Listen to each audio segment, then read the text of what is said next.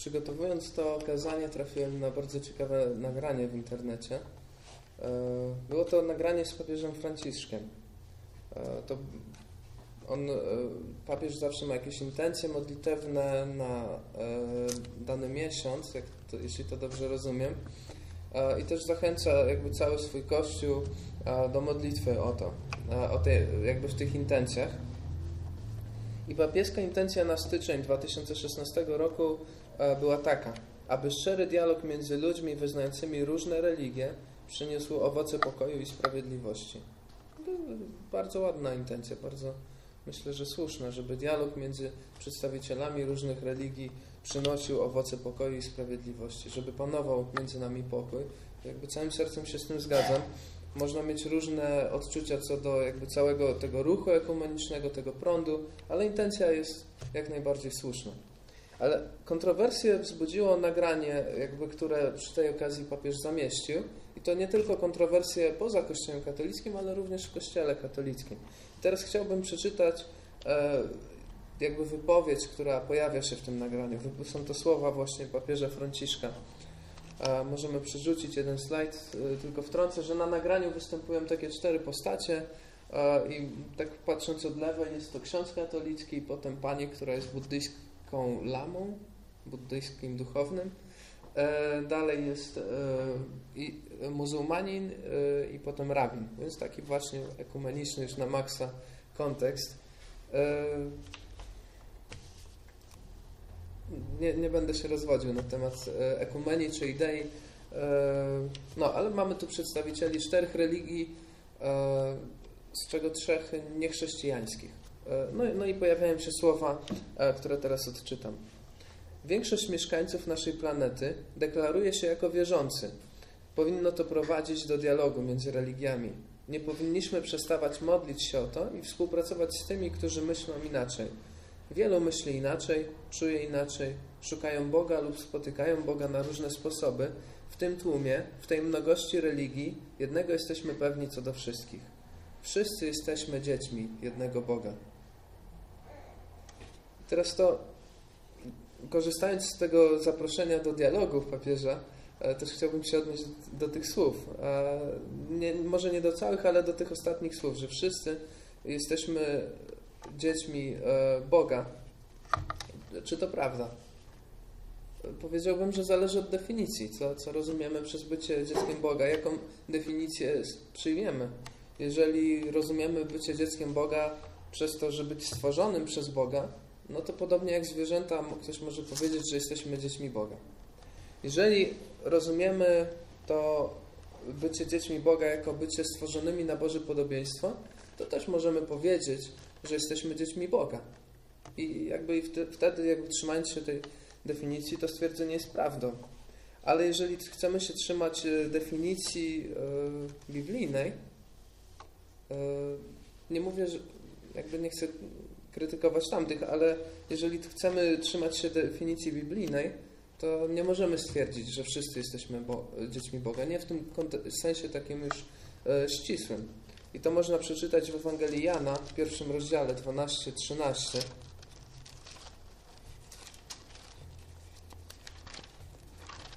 Czyli sam wstęp e, do Ewangelii Jana, tam gdzie Słowo stało się ciałem, tym Słowem oczywiście jest Jezus, jest mowa o Jezusie cały czas wersety 12-13. Lecz tym wszystkim, którzy Go przyjęli, dał przywilej stania się dziećmi Boga, tym, którzy wierzą w Jego imię, którzy narodzili się nie z krwi, ani z woli ciała, ani z woli mężczyzny, lecz z Boga. Więc Je Jezus dał przywilej niektórym ludziom, tym, którzy w Niego uwierzyli, e, stania się dziećmi Boga. Więc jest to też coś takiego e, wyjątkowego i co nie dotyczy wszystkich coś jakby dzieckiem Bo Boga nie każdy jest i, nie, i nikt nie był od początku, w tym sensie jakby tej definicji, której używa ewangelista Jan. teraz ktoś mógłby e, mi zarzucić pychę. No, ty uważasz się za dziecko Boga, a kogoś innego nie uważasz za dziecko Boga. Jak ty tak mo możesz, jakie ty masz o sobie mniemanie? Ale ja nie, nie uważam się za kogoś lepszego od innych. Ja nie uważam, że ja sobie zasłużyłem na bycie dzieckiem Boga, e, bo byłem lepszy od kogoś, tylko dostrzegam biblijną prawdę, że Bóg mnie, który byłem wrogiem Boga, buntownikiem, e, nie wiem jak to nawet wyrazić, ale po prostu kimś skazanym na potępienie, skazańcem w, cieli, w celi śmierci, Bóg mnie wyciągnął z tej celi i powiedział, że teraz będę Jego synem. Nie dlatego, nie ze względu na to, co ja zrobiłem, ale ze względu na, na łaskę, którą mi okazał, na niezasłużoną przychylność. I ta łaska, ona nie jest tylko dla tych najlepszych, ona jest dla każdego, kto zechce ją przyjąć. Więc nie, nie ma nic takiego pysznego w tym stwierdzeniu, że nie wszyscy są dziećmi Boga.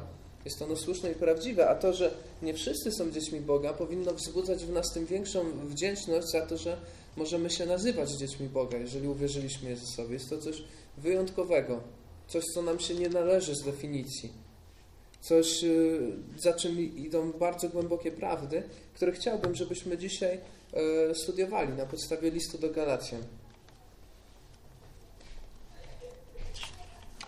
Więc, y, no właśnie, więc mam nadzieję, że ten fragment dzisiejszy nam w tym pomoże, bo bo myślę, że warto zastanawiać się nad tym, co to znaczy być dzieckiem Boga. Bo jeżeli machniemy na to ręką i powiemy, wszyscy jesteśmy dziećmi Bożymi, kropka, no to my tak naprawdę tracimy całą głębię tego stwierdzenia.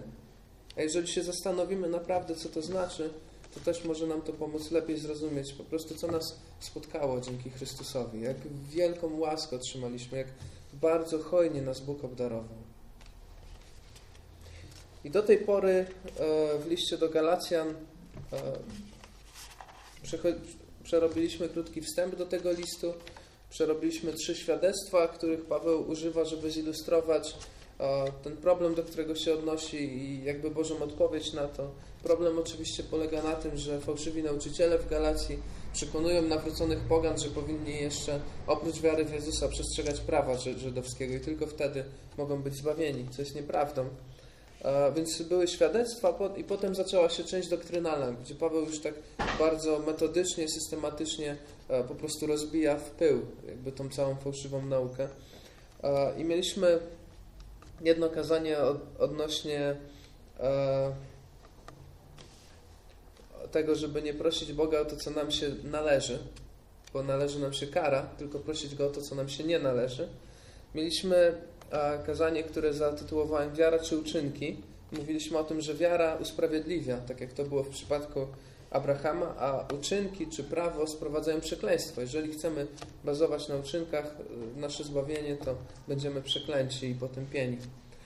Potem mm, ostatnie kazanie było o tym, jaki jest cel prawa, bo ono się tutaj pojawia, czy ono jest czymś złym, czy dobrym, jakby po co ono jest, skoro nie daje zbawienia. Mówiłem o tym, że prawo nie podważa obietnicy, że to tymczasowa odpowiedź na grzech, że to coś, co przekonuje o grzechu i w ten sposób prowadzi do Jezusa Chrystusa. I konkluzja była taka, że to przez wiarę jesteśmy potomstwem Abrahama. A skoro przez wiarę jesteśmy potomstwem Abrahama, to nie potrzebujemy nic więcej, żeby być zbawieni i usprawiedliwieni, tak jak Abraham. I dzisiaj właśnie przechodzimy do a, kolejnego fragmentu, który zatytułowałem Co to znaczy być dzieckiem Bożym? I odpowiem, i dam na to dwie odpowiedzi. Jedna odpowiedź będzie dotyczyła naszej tożsamości, tego kim jesteśmy jako dzieci Boże, a druga naszego zachowania, naszej reakcji na to, kim jesteśmy. Co z tego, kim jesteśmy, powinno wynikać w praktyce. Tylko jeden aspekt, ale bardzo ważny i wynikający z tekstu. Więc po pierwsze, dziecko Boże to ktoś, kto był niewolnikiem, a jest dziedzicem. Ktoś, kto był niewolnikiem, a jest dziedzicem. Ale jeszcze przeczytam tekst, rozpędziłem się. Z Galacjan 4, 1 do 11. Powiem jeszcze, że dopóki dziedzic jest małym dzieckiem, to choć jest panem wszystkiego, nie różni się od niewolnika. Na czas ustanowiony przez ojca pozostaje on pod kontrolą opiekunów i przełożonych. Podobnie my, jako niedojrzali, byliśmy pod kontrolą zasad rządzących światem. Kiedy jednak wypełnił się czas, Bóg posłał swojego syna, który narodził się z kobiety i podlegał prawu, aby wykupić żyjących pod prawem i umożliwić nam usynowienie. A ponieważ jesteście synami, Bóg posłał do waszych serc ducha swego syna, który woła Abba, ojcze. Tak więc już nie jesteś niewolnikiem, lecz synem, a jeśli synem, to za sprawą Boga również dziedzicem. Kiedyś, gdy nie znaliście Boga, służyliście tym, którzy z natury nie są bogami. Teraz jednak, gdy już go poznaliście, a raczej gdy zostaliście przez niego poznani, dlaczego znów powracacie do słabych i nędznych zasad, którym ponownie chcecie służyć? Przestrzegacie dni, miesięcy i lat. Martwię się o was. Czy, czy czasem mój trud nad wami nie poszedł na marne? I więc, tak jak powiedziałem, pierwszy punkt. E, dziecko Boże to ktoś, kto był niewolnikiem, a jest dziedzicem. Wersety 1 do 7. Od razu mówię, że ten punkt będzie bardziej rozbudowany niż drugi, bo też tekstu jest więcej. I zaczyna Paweł ten fragment od ilustracji w pierwszych dwóch wersetach.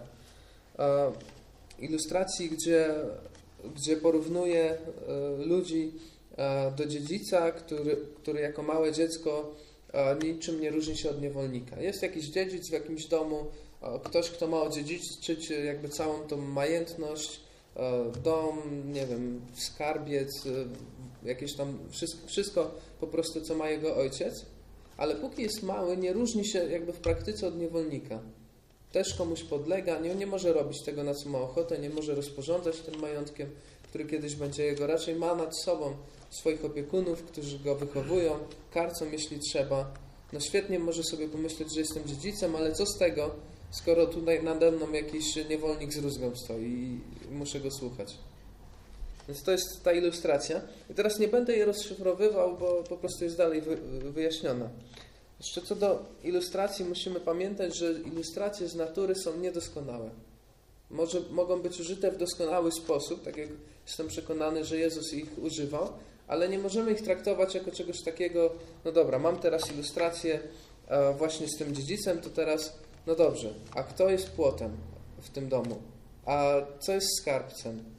A co jest y, wycieraczką? Wiecie, jakby interesują nas te symbole, których, y, do których odnosi się e, ten, kto używa ilustracji, a nie jakieś dorabianie do niej rzeczy. I oczywiście, jeżeli porównamy ją do życia, to nie wszystko będzie się zgadzać. Nie zawsze. Ale raczej musimy skupić się na tym przesłaniu, które, które ma nieść ze sobą i, i, i tyle. I być z tego zadowolonymi, zamiast próbować ją rozbijać na kawałki. Więc ona dalej będzie wyjaśniona. Póki co skupmy się na tym, że jest dziedzic yy, i równocześnie ten dziedzic jest traktowany jako niewolnik. Więc jest pewien kontrast między tym, co jest teraz, tym w jakiej sytuacji on się znajduje, a tym, jak, jaka ma być jego przyszłość. Albo ewentualnie patrząc już z tej perspektywy dalszej, że już ktoś objął dziedzictwo, co jest teraz, a jaka była jego przeszłość, bo myślę, że to bardziej e, będzie trafne, jeśli chodzi o list do Galacjan. Więc jest to ktoś, kto jest pod autorytetem swojego ojca i wszelkich autorytetów wyznaczonych dla niego przez ojca. Ktoś, kto nie może tak naprawdę palcem kiwnąć, jeżeli taka nie będzie wola jego ojca. Jest ograniczony, czy to prawem, czy czymkolwiek innym. Więc to, to jest ta ilustracja. No teraz przechodząc dalej do, do wyjaśnienia tej ilustracji, czyli wersetów 3-7. Więc podobnie my, jako niedojrzali, byliśmy pod kontrolą zasad rządzących światem. Więc to jest ten jakby dziedzic jako jeszcze niewolnik. To, to jest to kiedyś. Tak było. Czyli i, i to Paweł odnosi do siebie, do, do ludzi, którzy uwierzyli Ewangelii, ale zanim to się stało, zanim w ogóle została im dana Ewangelia, e, byli pod kontrolą e, zasad e, rządzących światem, tak jak ten dziedzic był pod kontrolą opiekunów i przełożonych. I teraz możemy zastanawiać się oczywiście, czym są te zasady rządzące światem, i to nie jest takie proste pytanie. To, to wyrażenie wyra pojawia się parę razy w Nowym Testamencie, ale nigdy, powiedziałbym, nie jest tak jasno wyłożone, co dokładnie to znaczy. Różne interpretacje są i każda jest jakoś uzasadniona, nawet tego greckiego słowa, które jest tutaj użyte. I, czasami, jedni mówią o pierwiastkach, z których jest złożony ten świat, cokolwiek to ma znaczyć. Inni mówią o ciałach niebieskich i związanych może z nimi kultami, inni o demonach, inni o cielesności, która pobudza nas do grzechu. E, ale myślę, że w tym fragmencie chodzi raczej o, o, o, zasady jakby panujące w tym świecie, o jego filozofię, o jego etykę, o jego religię, o to, czego po prostu ten świat na, naucza. Więc pod kontrolą takich rzeczy. Gdybyśmy na przykład spojrzeli do listu do Kolosan 2.20, to właśnie tam chociażby myślę, że na tej podstawie można taki argument zbudować. 2.20 e, do 23 przeczytam. Skoro z Chrystusem umarliście dla zasad rządzących światem, to dlaczego dobrowolnie poddajecie się nakazom? Nie dotykaj, nie próbuj, nie ruszaj. Te przepisy i nauki ludzkie dotyczą tego, co i tak przeznaczone do zużycia. Jest w nich tyle mądrości, ile może być w dewocji, poniżaniu się i umartwianiu ciała, jednak poza poprawianiem samopoczucia nie mają one żadnej wartości. Więc tutaj te zasady rządzące światem, dla których umarli, e, no, są utożsamiane e, z, tym, z tymi nakazami tego świata. Jeżeli umarliście dla tych zasad, to umarliście e, rządzących światem, to umarliście dla tych wszystkich przepisów, których was się naucza. Nie dotykaj, nie próbuj, nie ruszaj. Przepisy i nauki ludzkie dotyczą tego, co i tak przeznaczone do zużycia, w których jest tyle mądrości, co może być w dewocji, czy na przykład nad, nadgorliwości religijnej. Więc mamy takie różne właśnie zasady. Dosłownie e, zasady tego świata, których nas ten, ten świat naucza i które kiedyś trzymały nas pod kontrolą. Zanim się nawróciliśmy, każdy miał jakiś zbiór swoich wierzeń, które mu przekazano w jakiś sposób, które może też sobie częściowo wypracował, ale które są zakorzenione w tym, co słyszymy wokół nas, co, co jest nam przekazywane. Każdy trzymał się jakichś zasad swoich. Zasad typu wszystkiego trzeba w życiu spróbować. Albo typu trzeba być tolerancyjnym. Tak nas świat uczy. Albo zasady ludzie są z natury dobrzy. Takiego przekonania. E, bardzo nieprawdziwego, bardzo e, mającego bardzo złe skutki e, dzisiaj. Albo właśnie takie, takie przekonanie, taka zasada, której uczy nas świat, że wszyscy jesteśmy dziećmi Bożymi i tak dalej, i tak dalej. Można wymieniać mnóstwo rzeczy, które gdzieś tam są nam przekazywane. Niektóre są dobre, ale wiele z nich jest po prostu nieprawdziwych w świetle Słowa Bożego. Wiemy, że na każdą sprawę istnieje ileś poglądów i każdy z nich ma jakichś swoich zwolenników. A Biblia na ogół jest jednoznaczna i mówi, to jest dobre, to jest niedobre. Na przykład y, myślę, że biblijnie możemy jasno powiedzieć, że aborcja jest morderstwem, a zasady tego świata mogą być różne. Też przekładając to bardziej na, na ten kontekst, w którym Paweł pisze, no to tymi zasadami też były przekonania religijne, na przykład to, w co wierzyli jako Żydzi, że muszą sobie zasłużyć na zbawienie, wykonując bardzo rygorystycznie przepisy prawa, to też była jakaś zasada zbudowana na dobrym fundamencie, na fundamencie Słowa Bożego, ale jakby też bazująca na pewnym niezrozumieniu tego, co robił Bóg, na przykład w życiu Abrahama. Tak samo poganie chwili byli więźniami zasad, czy byli pod kontrolą zasad, które mówiły im, że musicie czcić e, wszystkie możliwe bóstwa, musicie składać im krwawe ofiary, musicie postępować w taki, a nie inny sposób i to wszystko tak naprawdę odciągało ich od prawdziwego Boga i od Ewangelii. Ale czas, e, kiedy byli temu wszystkiemu podporządkowani, miał się skończyć. Więc e, więc odnosząc e, teraz tą ilustrację do nas, my też właśnie byliśmy kiedyś pod kontrolą zasad rządzących światem, czyli tak jak ten dziedzic pod kontrolą opiekunów. Różnica między nami a dziedzicem w tej ilustracji jest taka, e, że my nie byliśmy synami wtedy. Tutaj dziedzic jest już synem, on już jakby mu się to wszystko należy, cały ten majątek, ale nam jakby to, co mieliśmy odziedziczyć, się w żaden sposób nie, nie należało. Dlatego powiedziałem właśnie na początku, że te, jakako, jakiejkolwiek ilustracji nie użyjemy, ona nie będzie oddawać idealnie rzeczywistości zazwyczaj.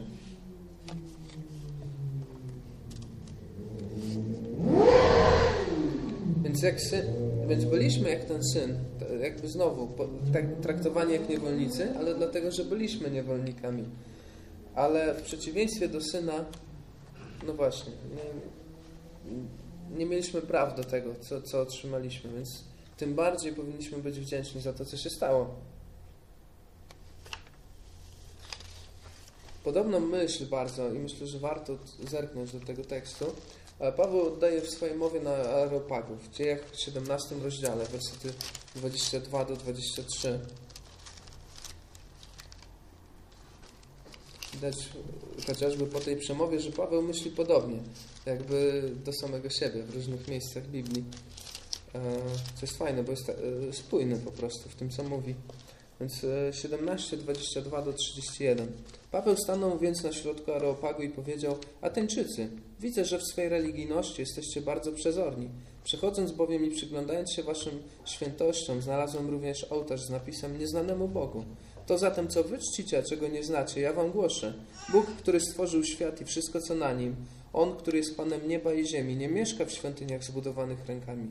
Nie służy mu się też za pomocą rąk, jak gdyby czegoś potrzebował. Przeciwnie, to właśnie On daje wszystkim życie i tchnienie i wszystko.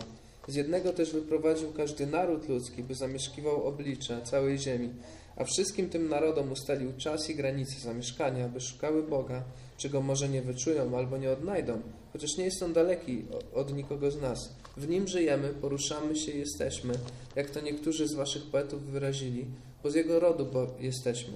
Jako pochodzący z rodu Bożego nie powinniśmy zatem sądzić, że boski byt przypomina złoto, srebro, kamień, wytwór sztuki lub myśli ludzkiej. Pominąwszy więc czasy niewiedzy, Bóg wzywa teraz wszędzie wszystkich ludzi, aby się opamiętali, ponieważ wyznaczył też dzień, w którym sprawiedliwie osądzi zamieszkały świat. Sędzią będzie człowiek, którego on ustanowił, a dowód na to przedstawił wszystkim, gdy wzbudził go z martwych.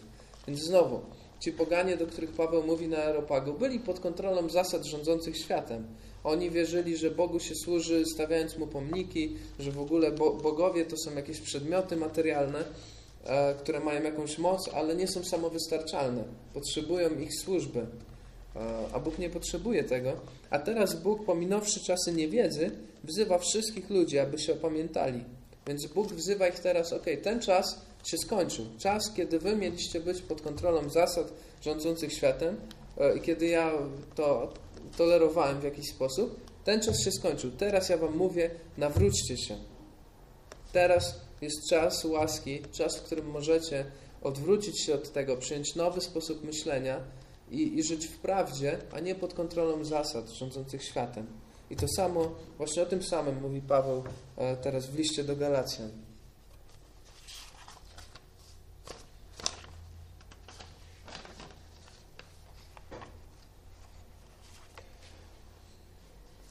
Więc mamy dziedzica, e, który jest pod kontrolą opiekunów,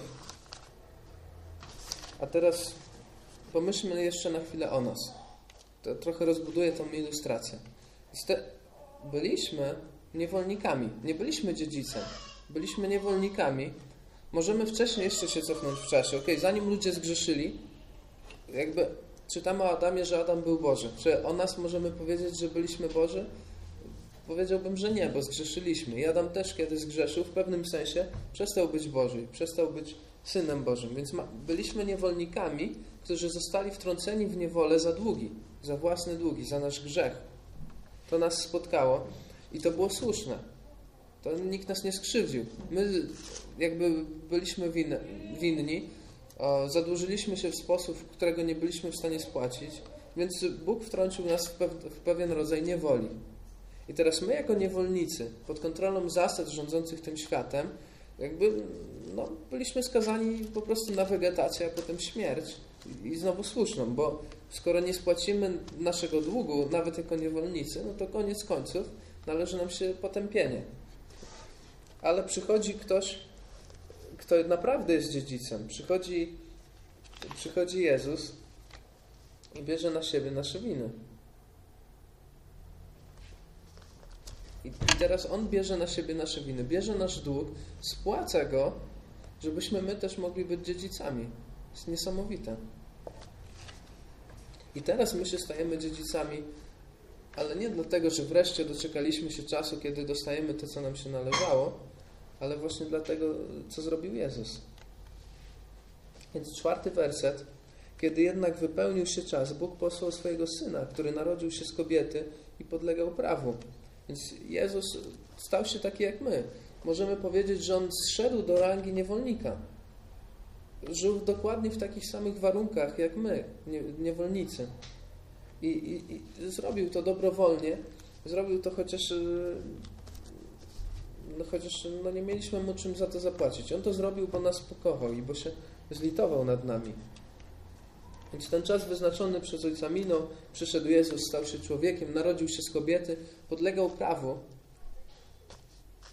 i wypełnił to prawo w przeciwieństwie do nas. My byliśmy dłużni, zawaliliśmy, nie wywiązaliśmy się z naszych obowiązków, a on stał się niewolnikiem i to niewolnikiem doskonałym, który, który zrobił wszystko tak, jak trzeba, w niczym nie przekroczył przykazań e, swojego ojca. I to jest fundamentem Ewangelii. To, że Jezus stał się człowiekiem, bo inaczej nie mógłby nas reprezentować, a równocześnie, że jako człowiek nigdy nie zgrzeszył w przeciwieństwie do nas. Więc stał się taki jak my, a równocześnie nie stał się taki jak my. Był bezgrzesznym człowiekiem. I tylko bezgrzeszny człowiek mógł umrzeć za innych ludzi. Dlaczego? Werset piąty. Aby wykupić żyjących pod prawem i umożliwić nam usynowienie. Więc On to zrobił, żebyśmy my mogli stać się synami. Więc jednym z celów Ewangelii jest nie tylko usprawiedliwienie naszych grzechów, ale też uczynienie nas dziećmi Bożymi. To jest druga, bardzo duża koncepcja. Werset szósty. A ponieważ jesteście synami, Bóg posłał do waszych serc ducha swego syna, który woła Abba, Ojcze. Więc jako synowie otrzymujemy Ducha Świętego. Mamy coś, czego byśmy nie dostali, gdybyśmy nie byli synami. Ale syn może otrzymać Ducha Świętego. Syn, córka, wiadomo o czym mówię. Więc Duch Święty jakby zamieszkuje w nas, kiedy się nawracamy, kiedy nasze grzechy są spłacone. I ten Duch też przekonuje nas o synostwie jeszcze. Bo czytamy, że On woła Abba, Ojcze, więc mamy jakieś wewnętrzne przekonanie od Boga, że rzeczywiście jesteśmy dziećmi Bożymi. U niektórych to przekonanie może być fałszywe, zależy, jakby nie można tylko, myślę, że na samym przekonaniu e, bazować, jeżeli jakby cała reszta życia za tym nie idzie, ale jest to jednym z czynników, który przekonuje nas o tym, że rzeczywiście zostaliśmy zbawieni. I koniec końców, e, nawet jak brakuje nam argumentów czasami w rozmowie, no to wciąż wiemy jakby w głębi ducha, że Ewangelia jest prawdą i że naprawdę zostaliśmy zbawieni, bo właśnie mamy jakieś takie nadprzyrodzone przekonanie, którego czasami pomimo słabości naszych argumentów jakby nikt nie jest w stanie nam zabrać. Więc otrzymaliśmy Ducha Świętego, który jest jakby dla nas, który, co jest skutkiem Ewangelii i potwierdzeniem Ewangelii równocześnie. Skoro zostaliście zbawieni, to to jest wasz dowód. To jest też, jak czytamy w drugim liście do Koryntian 1, 21 do 22 otworzy go. On jest tym, Bóg, który nas oraz was utwierdza w Chrystusie i który udziela nam namaszczenia. On też wycisnął na nas pieczęć i jako zadatek dał nam do serc swego ducha. Duch Święty jest pewnym zadatkiem, czymś, co otrzymujemy na potwierdzenie tego, że otrzymamy jeszcze więcej. To jest dopiero Boża łaska. Jeżeli Duch Święty jest zadatkiem, a jeszcze nie wszystkim, co mamy otrzymać, jest jeszcze coś więcej.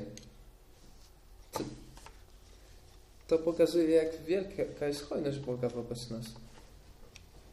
I dalej czytam werset siódmy. Tak więc już nie jesteś niewolnikiem, lecz synem, a jeśli synem, to za sprawą Boga, również dziedzicem. I teraz staliśmy się dziećmi Bożymi, zostaliśmy włączeni do Bożej rodziny. Nie jesteśmy godni i nie byliśmy godni tego, żeby Bóg, Stwórca świata, na nas spojrzał przez sekundę, a Bóg czyni nas swoimi dziećmi. Podnosi nas do tak wysokiej rangi, że to w ogóle przekracza najśmielsze oczekiwania, ale na tym to się nie kończy. Staliśmy się synami czy dziećmi, a w takim razie również dziedzicami. Jest dla nas coś, co mamy otrzymać jeszcze w przyszłości. I żebyśmy lepiej zrozumieli to dziedzictwo, myślę, że to jest bardzo ważne, chciałbym, żebyśmy do jeszcze jednego tekstu zajrzeli. Do tekstu z listu do Efezjan. Pierwszy rozdział, wersety 3 do 14. Zaraz za listem do Galacjan, nawiasem mówiąc. Więc przeczytam cały ten e, fragment. Nie będę go szczegółowo analizował, bo jesteśmy w liście do Galacjan, a nie Efezjan, ale parę tylko takich myśli z niego wyciągnę. Niech będzie błogosławiony Bóg, Ojciec naszego Pana, Jezusa Chrystusa, który nas w Chrystusie obdarzył szczęściem uczestniczenia we wszelkim duchowym dobrodziejstwie nieba. Więc w Chrystusie otrzymaliśmy wszelkie duchowe dobrodziejstwo nieba. On wybrał nas w Nim przed założeniem świata, abyśmy wobec Niego byli święci, nienaganni i żyli w miłości. Więc jednym z tych dobrodziejstw, które otrzymujemy wraz z zbawieniem, jest nasza świętość, nienaganność i życie w miłości. Teraz, jakby pojawiające się stopniowo e, na skutek działania Ducha Świętego i w przyszłości jakby w sposób doskonały, kiedy nie będziemy grzeszyć, więc nasza świętość, nienaganność i życie, i życie w miłości będą doskonałe. Przeznaczył nas, piąty werset, abyśmy przez Jezusa Chrystusa stali się Jego dziećmi, zgodnie z życzeniem Jego woli. Więc właśnie to usynowienie, stajemy się dziećmi Bożymi, chociaż nimi nie byliśmy. E, szósty werset. Dla tym większej chwały Jego łaski, którą obdarzył nas w ukochanym. Więc obdarzył nas Bóg łaską. I łaska tak rozumiana jako usprawiedliwienie z grzechów, które nam się nie należy, ale też łaska, która nam towarzyszy w tym życiu. Paweł, jak zaczyna swoje listy i kończy, to zazwyczaj ży życzy swoim odbiorcom łaski i pokoju, chociaż wie, że już są zbawieni, a jednak rozumie, że oni potrzebują tej łaski w, w codziennym życiu. I sam, kiedy mówi o swoim życiu, mówi, że ciężej pracował niż wszyscy, ale tak naprawdę nie on, a łaska Boża. Więc musimy też myśleć o łasce Bożej jako o czymś, czego potrzebujemy od Boga każdego dnia naszego życia. Każdego dnia potrzebujemy, żeby Bóg dawał nam to, co nie, nam się nie należy, a co jest dla nas dobre, żeby nam po prostu pomagał. Dalej czytam werset siódmy. W nim mamy odkupienie przez Jego krew, przebaczenie upadków według ogromu Jego łaski. Więc tu mamy właśnie to, odkupienie, przebaczenie. Zostało nam wybaczone, chociaż nie powinno było być wybaczone, patrząc tylko na nasze życie. Ósmy werset. Tej łaski hojnie nam udzielił we wszelkiej mądrości i zrozumieniu. I od razu dziewiąty, gdy nam oznajmił tajemnicę swojej woli, zgodnie ze swoim życzeniem, które w nim wyraził. Więc otrzymaliśmy pewne, pewną mądrość i pewne zrozumienie Bożej rzeczywistości, której nie mielibyśmy, gdyby nas nie ocalił. Dalej dziesiąty werset. Uczynił to ze względu na plan obejmujący pełnię czasów, a zmierzający do połączenia w Chrystusie wszystkiego, tego co w niebie i tego co na ziemi. Więc my, jakby dzięki Bożej łasce, zostaliśmy połączeni z Chrystusem i połączeni z tym, co jest w niebie, połączeni też ze wszystkimi innymi wierzącymi. W jakiś sposób Bóg dzięki Ewangelii spaja nas w jedno. Jesteśmy jedną wielką, duchową rodziną. Jako ludzie zbawieni jesteśmy ciałem Chrystusa, Kościołem, ale też mamy jakąś więź e, z tym, co jest w niebie, z aniołami, ze wszystkimi jakimiś istotami, które tam są właśnie przez to, że zostaliśmy zbawieni. To może być teraz, dzisiaj dla nas nie do końca zrozumiałe, ale jest to coś wielkiego. W nim też otrzymaliśmy dziedzictwo. Jako przeznaczeni do tego, zgodnie z zamiarem Boga, który czyni wszystko według postanowienia swojej woli. Więc tu się pojawia to dziedzictwo. Coś, co mamy dopiero objąć. Dwunasty werset. Abyśmy żyli dla jeszcze większej Jego chwały, my, którzy już wcześniej złożyliśmy nadzieję w Chrystusie. Więc teraz z Bożej łaski, dzięki temu, co dla nas zrobił, jesteśmy w stanie żyć dla Bożej chwały. Nie byliśmy. A teraz mamy tą radość, że nareszcie możemy robić to, do czego tak naprawdę Bóg stworzył ludzkość. Nareszcie możemy e, wykonywać nasze zadanie i to jest dla nas dobre. Dobrze jest robić to, do czego się zostało stworzonym. Myślę, że każdy się zgodzi. A źle jest nie móc tego robić. Na przykład, gdyby ktoś czuł, powiedzmy, że został stworzony do biegania, a nie mógłby biegać, bo na przykład byłby zamknięty w celi, straszne, męczące. A nareszcie jesteśmy wolni do tego, żeby robić to, do czego zostaliśmy stworzeni. W nim i wy, gdy usłyszeliście słowo prawdy, dobrą nowinę o waszym zbawieniu i dzięki któremu uwierzyliście, zostaliście opieczętowani obiecanym Duchem Świętym. Znowu właśnie pojawia się Duch Święty, tak jak w Galacjan. Więc otrzymujemy Ducha Świętego jako kolejną konsekwencję naszego zbawienia. A Duch Święty, ten Duch jest zadatkiem naszego dziedzictwa do czasu otrzymania własności dla pomnożenia Jego chwały. Znowu jest mowa o pewnym dziedzictwie, które mamy objąć w przyszłości, a które Duch Święty dopiero nam sygnalizuje, że otrzymamy. Co mamy otrzymać w przyszłości w takim razie? Powiedziałbym już, może nie, nie szperając po Biblii, ale powiedziałbym, że spędzimy wieczność z Bogiem, mając bezpośredni dostęp do Niego i Jego Syna.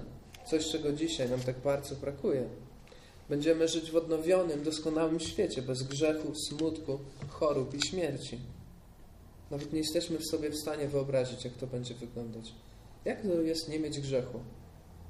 Jak to jest nie zmagać się codziennie e, ze swoim lenistwem, ze swoim pożądaniem, ze, ze swoją agresją, ze swoją złością, zazdrością, ze swoim egocentryzmem. Jak to jest? Nie, nie jesteśmy w stanie sobie tego wyobrazić tak do końca.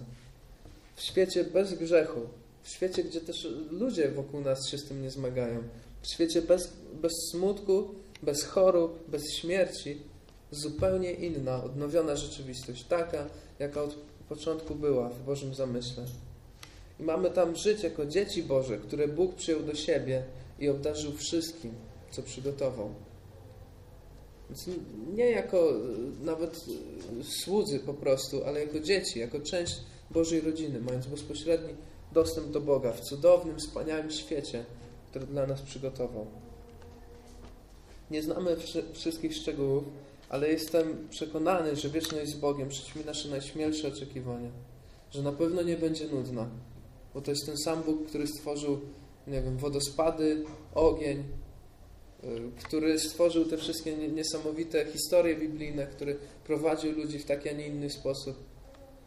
Na pewno nie można powiedzieć, że Bóg robi coś w sposób, który jest nudny. Raczej w sposób, który, który, który przekracza nasze najśmielsze oczekiwania i którym można być cały czas coraz bardziej zafascynowanym. I ta, to zrozumienie ogromu wspaniałości, która na nas czeka, przekracza nasze możliwości pozna, poznawcze dzisiaj. Ale przyjdzie czas, że nie tylko nie będzie przekraczać naszych możliwości poznawczych, ale że naprawdę doświadczymy tego na własnym skórze. Dlaczego? Bo nie jesteśmy już niewolnikami, ale jesteśmy dziećmi. A skoro dziećmi, to i dziedzicami, to mamy otrzymać to, co on przygotował. A przygotował to wszystko, czego dzisiaj jakby tu nie ma, a co powinno być. Niesamowita perspektywa.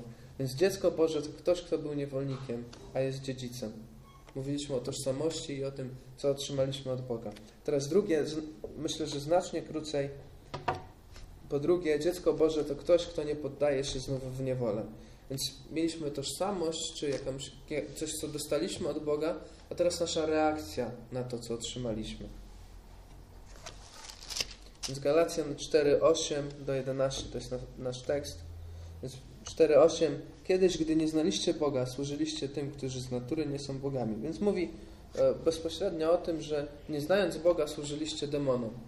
Mówi to do pogan, więc to jest bardzo trafne, ale myślę, że nie bez przyczyny e, szatan jest też nazwany władcą tego świata. I czy kultura świecka, czy jakaś pogańska, bałwochwalcza, myślę, że wszystko w jakiś sposób jest podporządkowane tym demonicznym zwierzchnością o czym łatwo nam żyjąc w tej świeckiej kulturze zapomnieć. Zaczynamy patrzeć tylko na to, co widzą nasze oczy, a nie na to, co wiemy, że dzieje się powiedzmy za kulisami. W Kolosan 2.15 o Jezusie jest napisane, że na tym krzyżu rozbroił zwierzchności oraz władzę, publicznie je obnażył i powlókł w triumfalnym pochodzie. A, więc te władze jakby demoniczne są pokonane już dzięki temu, co Jezus zrobił na krzyżu, ale wciąż, ale wciąż mają wpływ na ten świat i on się skończy dopiero, kiedy powróci Chrystus. I oni, poganie, uważali te demony za bogów, chociaż one nie są bogami, chociaż one nic nie mogą wobec Boga. Tak samo jak jako ludzie, co my możemy zrobić Bogu? Jak my możemy konkurować z Bogiem? Tak samo jakby te byty duchowe, które są potężniejsze od nas, które są w jakiś sposób niepojęte e, do nas, ale to trochę tak jakby porównywać, nie wiem, pchłę z mrówką wobec no, Stwórcy.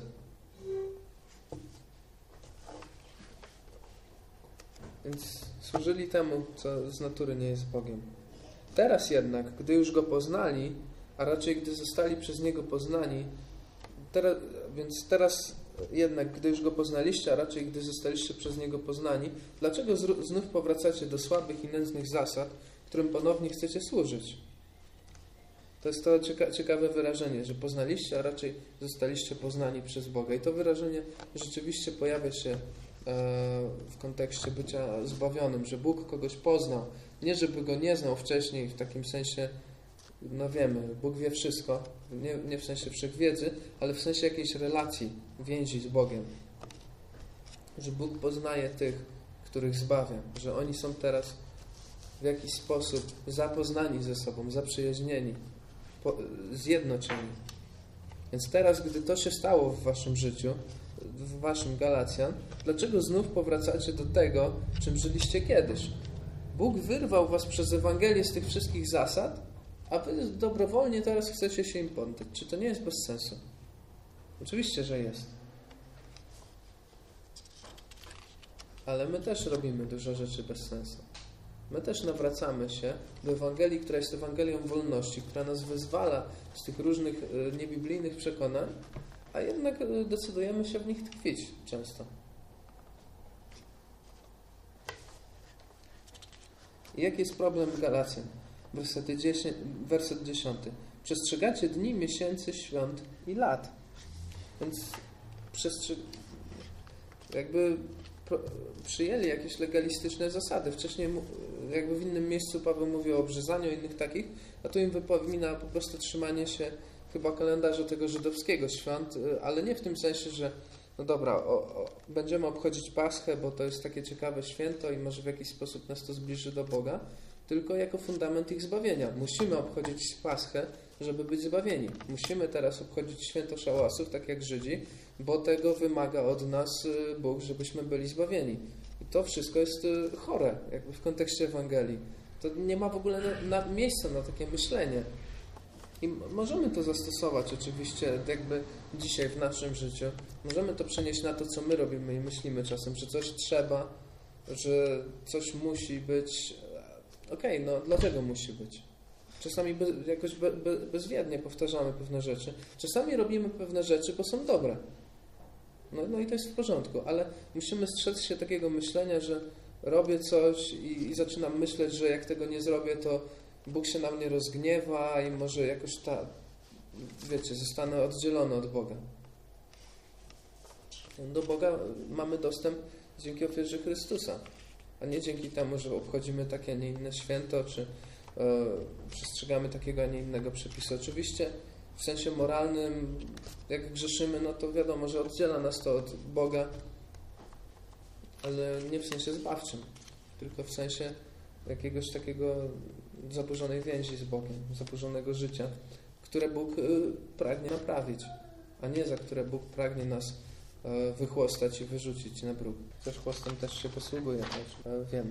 E, no i jedenasty. Martwię się o was, czy czasem mój trud nad wami nie poszedł na marne. I tu Paweł ma poważny dylemat. Napracował się, założył ten zbór, prowadził ich w Ewangelii, posyłał do nich ludzi, pisze do nich list, może było ich więcej. I teraz, czy ta praca poszła na marne? I teraz pytanie, czy chodzi mu o to, że Galacjanie byli zbawieni i porzucili Ewangelię i przestali być zbawieni, czy raczej zastanawia się, czy oni w ogóle rzeczywiście uwierzyli Ewangelii.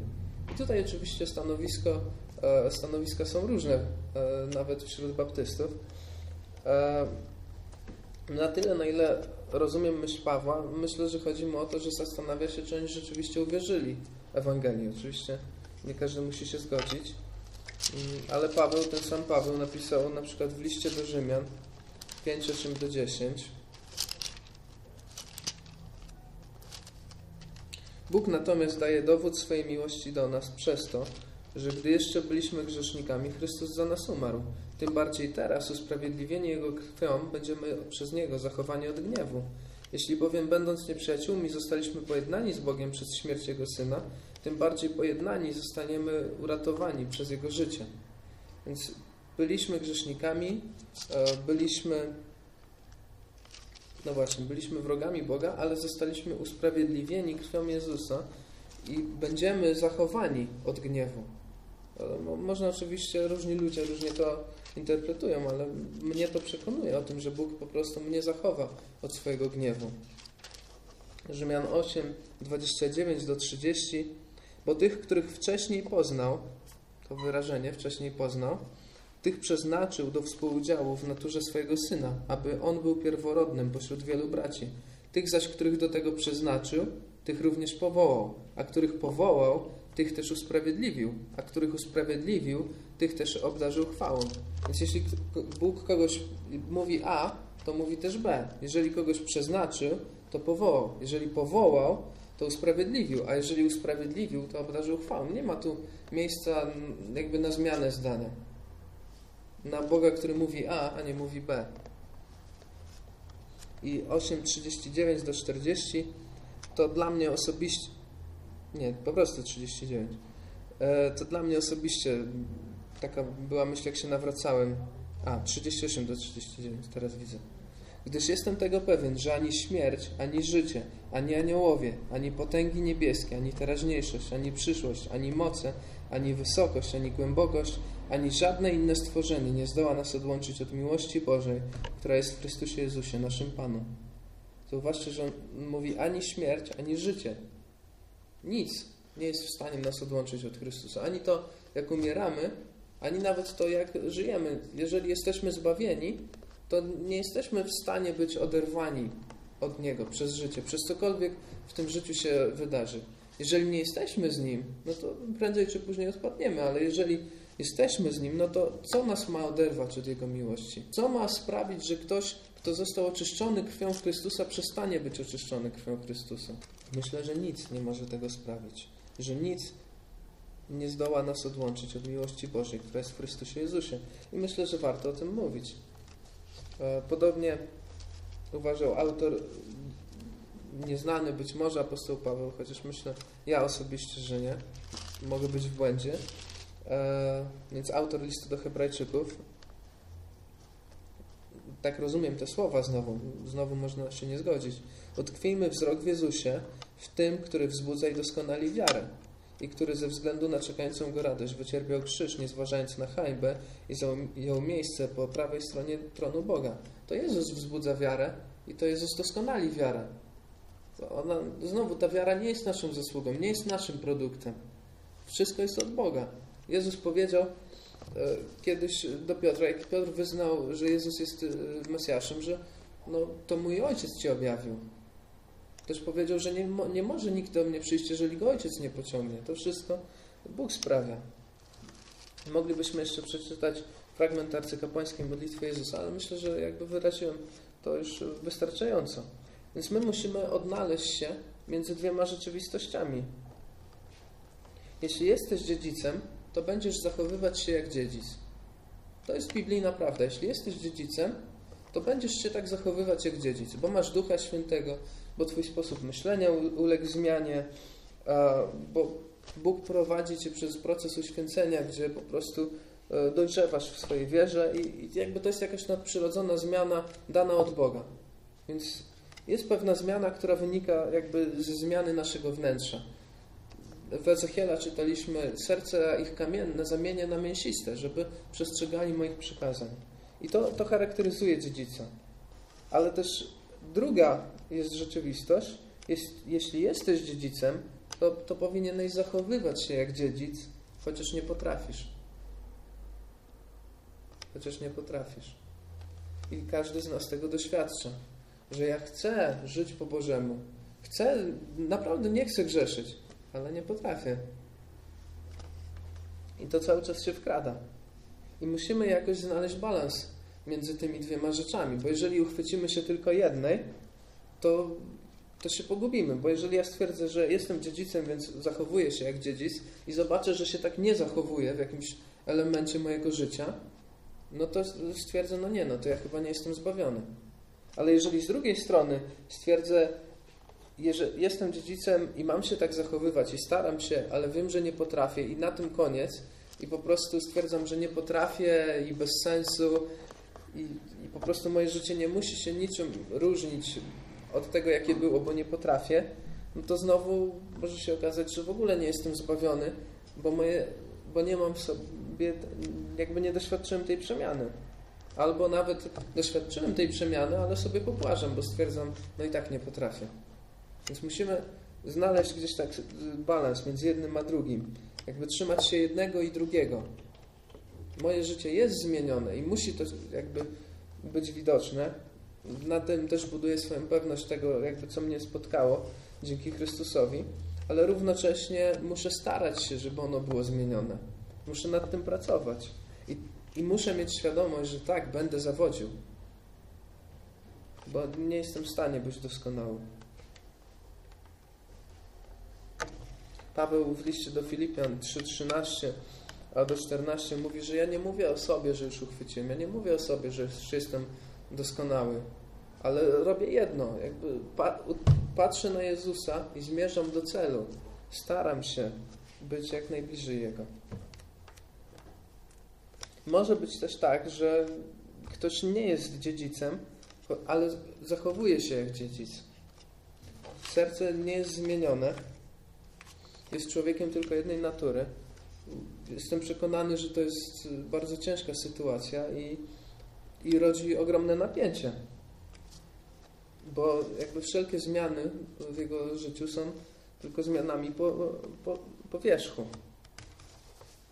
I czasami można to rozpoznać po takiej mentalności tej starej, że dużo osób próbuje po prostu coś zyskać w swoich oczach, w oczach ludzi lub Boga, żyjąc po chrześcijańsku, ale prędzej czy później się okazuje, że to nie, nie działa i oni sami się dziwią. Dam przykład Se- Sebastiana na przykład, e, no, którego tu nie ma, bo właśnie tak wybrał, e, że go tu nie będzie. On przez długi czas, jak ja z nim rozmawiałem, no to jakby on sam się zastanawiał, czy on jest chrześcijaninem i to nie było łatwe dla niego. Więc prędzej czy później, e, prędzej czy później brakuje paliwa, żeby żyć e, po Bożemu. Ale, ale jest jedna rzecz bardzo pocieszająca. Nawet wtedy wciąż jest możliwy ratunek, wciąż jest możliwe usynowienie. Więc gdybym kiedyś stwierdził, że może ja jednak nie jestem zbawiony, może ja jednak nie mam w sobie zmienionego wnętrza, nie potrafię żyć z Bogiem. Dużo osób tak stwierdza, takich wychowanych w kościele na przykład. E, No to wciąż ta, ta myśl powinna mnie od razu popchnąć w objęcia Chrystusa. Od razu przecież mogę, jeżeli rozumiem Ewangelię, to mogę się jej chwycić. Mogę mu zaufać co do swojego zbawienia. Ale niestety wiele osób ma tą świadomość, ale stwierdza, ja nie mam prze, przemienionego wnętrza, więc idę na potępienie. Czasami stwierdzają na przykład, widocznie Bóg mnie nie wybrał, żebym był zbawiony. No i co ja mam teraz zrobić? No nic, już po mnie. Ale to my nie mamy się zastanawiać, czy Bóg nas wybrał, czy nie wybrał, tylko dla nas jest wezwanie do, do, do położenia zaufania w Jezusie, do zaufania Mu. I albo to zrobimy, albo nie. A potem, jakby patrząc wstecz, patrzę wstecz i mówię, no dobra, zaufałem Jezusowi, to znaczy, że Bóg mnie wybrał. Więc nawet jeżeli ktoś z nas kiedyś stwierdzi, ja chyba nie jestem dziedzicem, no to po prostu pamiętajmy o tym, co zrobił Jezus i, i chwyćmy się tego. Ale jeżeli jesteś dziedzicem, to zachowuj się jak dziedzic. Nie poddawaj się ani w niewolę grzechów, ani w niewolę uczynków.